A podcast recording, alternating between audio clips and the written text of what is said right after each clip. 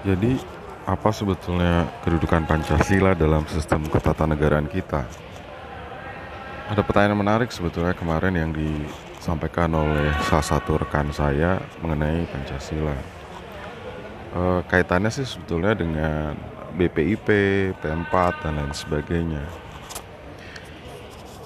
Terus terang saya agak bingung menjawabnya karena e, buat buat buat saya sih sederhana saja kalau kita merujuk pada pendapatnya Bung Karno misalnya dia menyatakan bahwa uh, seharusnya uh, apa ideologi itu dimiliki oleh rakyat. Rakyatlah yang harus punya ideologi supaya ada keberagaman uh, dalam masyarakat Indonesia yang mencerminkan situasi atau cerminan dari kekuatan politik yang ada di Indonesia. Jadi bagaimana sih sebenarnya uh, kedudukan Pancasila dalam sistem ketatanegaraan, saya memandangnya uh, iya betul bahwa Pancasila adalah dasar negara, kesepakatan seluruh elemen bangsa karena itu dituangkan juga dalam misalnya uh, perdebatan di BPU PKI, kemudian juga perbincangan di PPKI.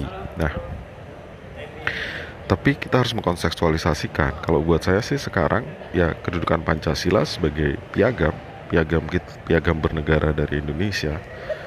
Dan saya rasa tidak perlu sebetulnya menafsirkan Pancasila lagi karena kalau kita bicara tafsir otentik dan resmi dari Pancasila ya mari kita lihat Undang-Undang Dasar.